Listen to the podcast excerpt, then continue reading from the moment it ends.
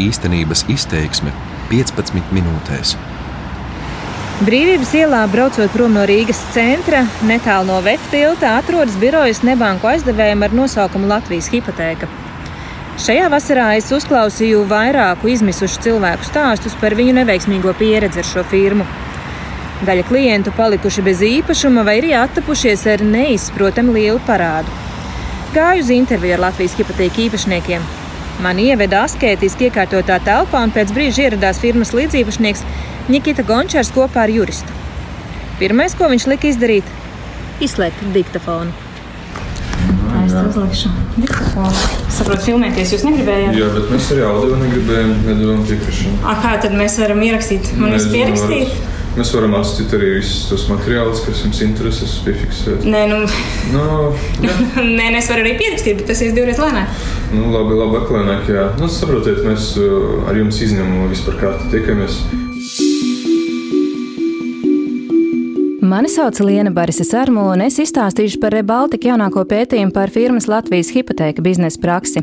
Studijā kopā ar mani ir kolēģi Inga Spriņģer. Viņu kopā sākām izpēti par nebanku aizdevēju Latvijas hipotēka šīs vasaras sākumā.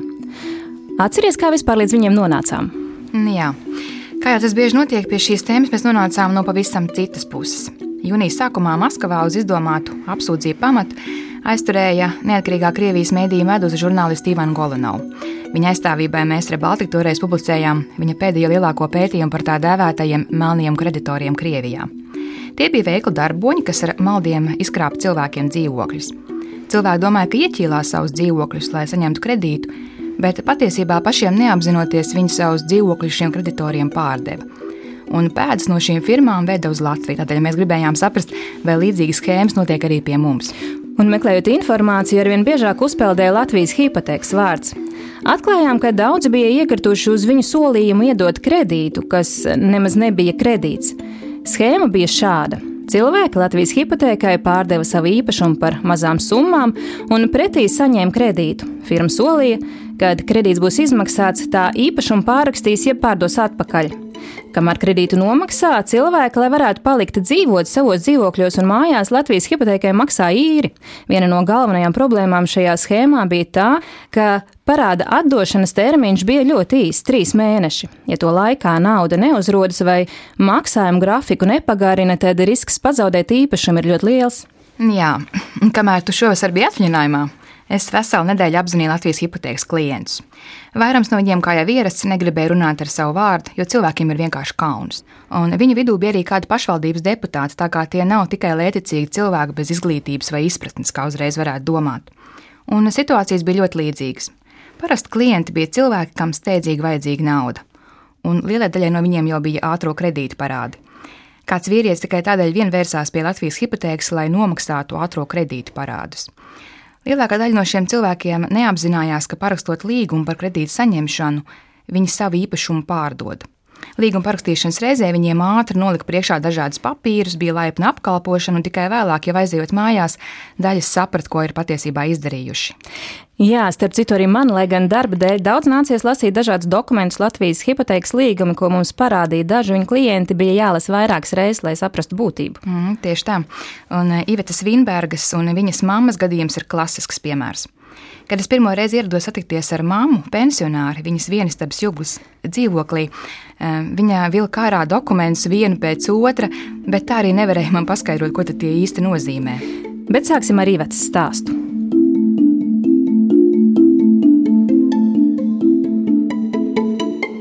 Iveta Vīnberga ir viena no Rebaltika pētījuma galvenajām varonēm. Ivetai ir cukura diabetes. Smaga diagnoze, kas beidzās ar ļaunāko - kājas amputāciju. Pirms tam ģimene cīnījās līdz pēdējiem, lai kājas saglābtu.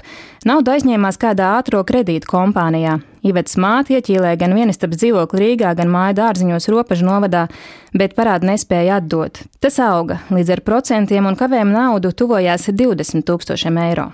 Kā trieciens pienāca paziņojums par abu īpašumu izsoli. Tas bija pirms četriem gadiem. Tiesu izpildītāja izdevuma parādu palielināja jau virs 20 tūkstošiem. Domāt vairs nebija laika, un tad uzrādījās Latvijas hipoteka, kas solīja izglābt no izsoles. Viņi mūs atrada, tā, kad jau bija izsola, uh -huh. tad bija mums paskastītēji. Tā kā viņi var palīdzēt, un, un, un, un, un, un tā, tad mēs sazvanījāmies ar viņiem.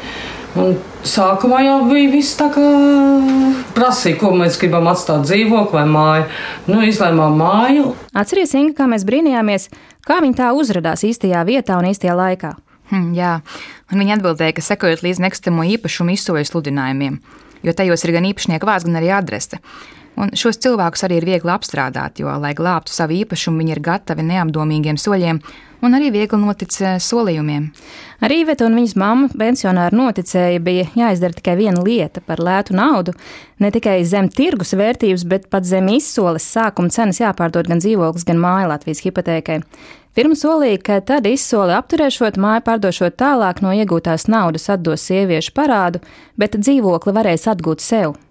Bet līdz tam par dzīvošanu dzīvoklī, kurš pagaidām būs uz Latvijas hipotēkas vārdu jāmaksā īra.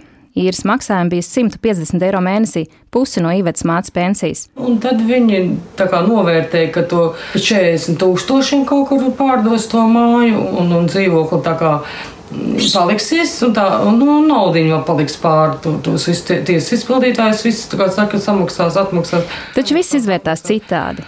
Nevien pāri it kā nekas nepalika, bet Latvijas hipoteka pateica, ka vēl ir parāds, kas jāatdod. Kāpēc parāds un par cik pārdot māju saprast nevarēja. Kā prasīja, pat cik viņi pārdeva, neviens neko nerunāja. Vispār mēs nezinājām, pat cik vispār ir pārdotā māja. Tikai zinājām, ka mums ir parāds un jāmaksā tagad ir 5000 uz tiem pieciem gadiem. Bet arī 5000 nebija viss. Kopā ar jau samaksāto īres maksu un komisijas maksām par līgumu grozīšanu kopējā summa, kas jāsamaksā, ir tuvu 7000. Maksājumi beigsies nākamgad pavasarī. Iveta un viņas māma turpina maksāt, lai nezaudētu dzīvokli, bet joprojām nesaprot, kāpēc. Arī Latvijas hipotēkā atbildot uz Rebaltika jautājumiem uzreiz nevarēja paskaidrot. Līdzkārtējā e-pastā rakstīja, ka parāds veidojies no komisijas maksas, kas saskaņot mutiski. Neviena no abām sievietēm šādu mutisku vienošanos neatceras. Paga. Tad sanāk, ka Ieveta un viņas māma turpina maksāt kredītu, kuram nav pat dokumentāla pierādījuma. Tieši tā.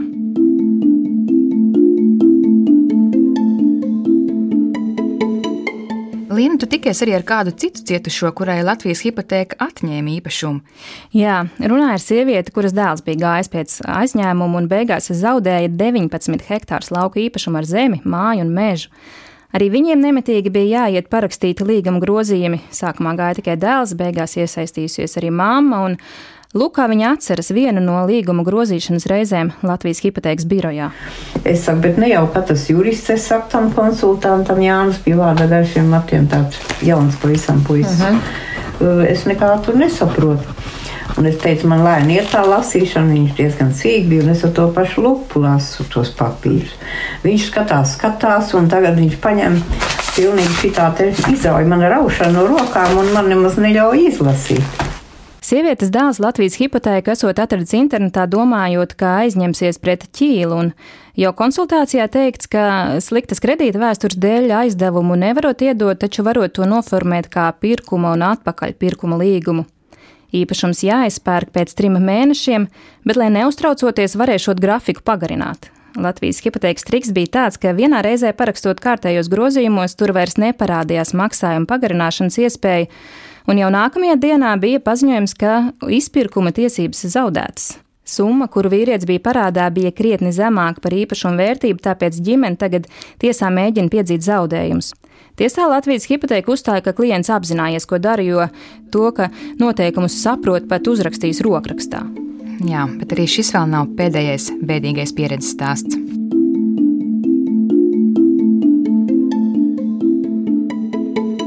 Vija Mengote savu trīsistabu dzīvokli Rīgā Latvijas hipotēkai nezaudēja tikai pateicoties zinošākiem radiem. Viņai ir 75 gadi, un viņa joprojām strādā savā medmās profesijā kādā bērnu dārzā, un tur es ar viņu arī satikos. Viņa teica, noformēsim tā kā aizņēmumu, un visu un to viņa var man skaidrot, ka jūs varēsiet atmaksāt. Viņai vajadzēs naudu, lai atdotu parādu, ko ģimene bija aizņēmusies no kādas privātpersonas. Un e-pastā kā reiz bija parādījusies Latvijas hipotēkas reklāma. Viņa aizgāja uz biroju, tur sagaidījusi laipnu sievieti, un pēc sarunas viņa savu trīsreiz vērtīgāko dzīvokli ieķīlāja par 19,000 eiro.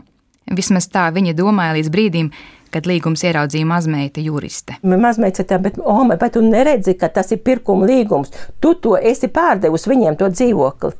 Nu, tad es sāku saprast tikai, ko es esmu izdarījis. Ka vai ne vienkārši šitā te ir viltus un tam līdzīgi un tam līdzīgi. Un viss. Ar grūtībām, bet viņai izdevās atgūt savu dzīvokli, jo radi sametās, lai dzīvokli varētu nopirkt atpakaļ. Bet arī tas tik vienkārši nebija. Lai arī līgumos bija paredzēta iespēja izpirkt, Latvijas hipoteka vilcinājusies. Sākumā apgalvoja, ka atpakaļ pirkuma tiesības zaudētas, jo pāris mēnešus viņai bijis komunālo maksājumu parāds. Iesaistīja arī patērētāja tiesība aizsardzības centru un pagāja pusotrs gads, kamēr viņa dzīvokli beidzot izpirka. Es pat tagad mierīgi nevaru runāt. Es tik daudz pazaudēju, tik daudz veselības un asaras. Man pat, nu, man vīrs ļoti smagi slims un tā. Man nemierīgi nevaru. Tā, nu, Un tā tas viss sākās, visu to te, un tad man patērētāja tiesības. Izklausās ļoti emocionāli, vai tev nebija grūti viņus visus uzklausot? Atceros, ka pēc vienas no sarunām ar Ievetu, manuprāt, tu rakstīji, ka tev Vajag nedaudz pastaigāties, lai nomierinātos. Jā, šādi stāsti vienmēr ir emocionāli smagi, sevišķi redz, ka nevar palīdzēt. Ievatē un viņas mammai nav zināšana un naudas, lai algotu advokātu. Viņai vismaz palīdzēja radi, un pats atzina, ka sievietei ir tiesības tiesāties ar Latvijas hipotēku. Šajā iestādē, kas uzrauga nebanku kreditētājs, pēdējos gados visvairāk sūdzību saņemts tieši par Latvijas hipotēku. Stāsta pats vadītāja Baiba Vītoliņa. Es teiktu, tīri juridiski manā skatījumā, jebkurš no tiem cilvēkiem būtu tiesīgs vērsties tiesā un apšaubīt darījumu spēkā esamību kā tādu, jo būtībā, ja tas tiešām atšķirās, tas veids no tā, ko jūs gribējāt slēgt, un jums to informāciju nedeva un pietiekami neinformēja, tad būtībā tas ir nu, saskaņā ar civilu likumu šāds līgums nebūtu spēkā. Jautājums, ko tiesa pieņemtu kā pierādījumu, protams. Tiesa arī patērētāja tiesību aizsardzības centrs pats varēja lemt par sodu, taču neraugoties uz daudzajām sūdzībām vairāk gadu garumā, nopietnāk tam pievērsušies tikai tagad. Tikmēr policijā par līdzīgām sūdzībām vispār klusē, lai arī mēs zinām, ka tādas par Latvijas hipotēku saņēmusi arī policija, turklāt dažādās Latvijas vietās. Inga, atceries, kā mēs mēģinājām no viņiem iegūt informāciju? Hmm, labāk pat nepieminu. Tik birokrātisku atrakstīšanos es sen nebiju piedzīvojusi. Es gribēju vienkārši uzzināt, cik sūdzību policija par Latvijas hipotēku ir saņēmusi un vai ir kāds uzsācis krimināla process. Valsts policija mani sūtīja uz iekšlietu ministrijas informācijas centru, bet tas atpakaļ pie policijas. Beigās pateica, ka šādu informāciju nevarot izsniegt, jo tas varot aizskart juridiskas personas, šajā gadījumā Latvijas hipotēkas cieņu. Vai ne? Apkopojot visu informāciju, mums gan izskatās, ka valsts policija šīm sūdzībām piegājas formāli. Tā vietā, lai apvienotu un uzsāktu vienu lietu, izskatīja katru gadījumu atsevišķi un izlēma neko tālāk nedarīt. Jā, izskatās, ka vismaz sākotnēji formāli šīm lietām piegāja arī tiesā, jo ir bijušas vairākas tiesvedības, un katrā šis gadījums ir izskatīts atsevišķi. Rezultāts par labu Latvijas hipotēku, vai arī abas puses ir vienojušās par izlīgumu. Starp citu, tomēr augusta beigās augstākās tiesas senāts viena no lietām, kur Latvijas hipoteka sākotnēji bija vinnējusi atdevu otrreizējai caurlūkošanai. Un viens no iemesliem, kā reiz bija iepriekšējo instanču atteikšanās uzklausīt citus cietušos. Liena, bet eh, kā šī pētījuma laikā reaģēja paši Latvijas hipoteka īpašnieki - Nikita Gončārs un Edgars Tālums? Abi ir jauni vīrieši, kur uzskata, ka patiesībā nodarbojas ar sociālo labdarību. Man šķiet, ka tu vienreiz šādu jēdzienu minēji redakcijā. Jā, to man teica Nikita Gončers, ka visu sakārtojuši, lai viss ir sociāli atbildīgi. Un šobrīd esot pārtraukuši šo pakalpojumu sniegt, un nevis daudzo sūdzību dēļ, bet gan apnicis citēju, pildīt sociālo funkciju, kuru neviens nenovērtē. Citādi beigas. Bet vairāk drosmes tikties ar mani klātienē uz ierakstītu sarunu nevienam no viņiem nebija. Ja arī jūs interesē sīkākas detaļas par Latvijas hipotēku, lasiet mūsu pētījumu LSMLV un Rebaltika.lv. Vai arī rakstiet mums sociālajos tīklos, vai arī uz e-pasta rebaltika, atrebaltika.com, ja zināt līdzīgus pieredzes stāstus. Uz redzēšanos! Īstenības izteiksme 15 minūtēs.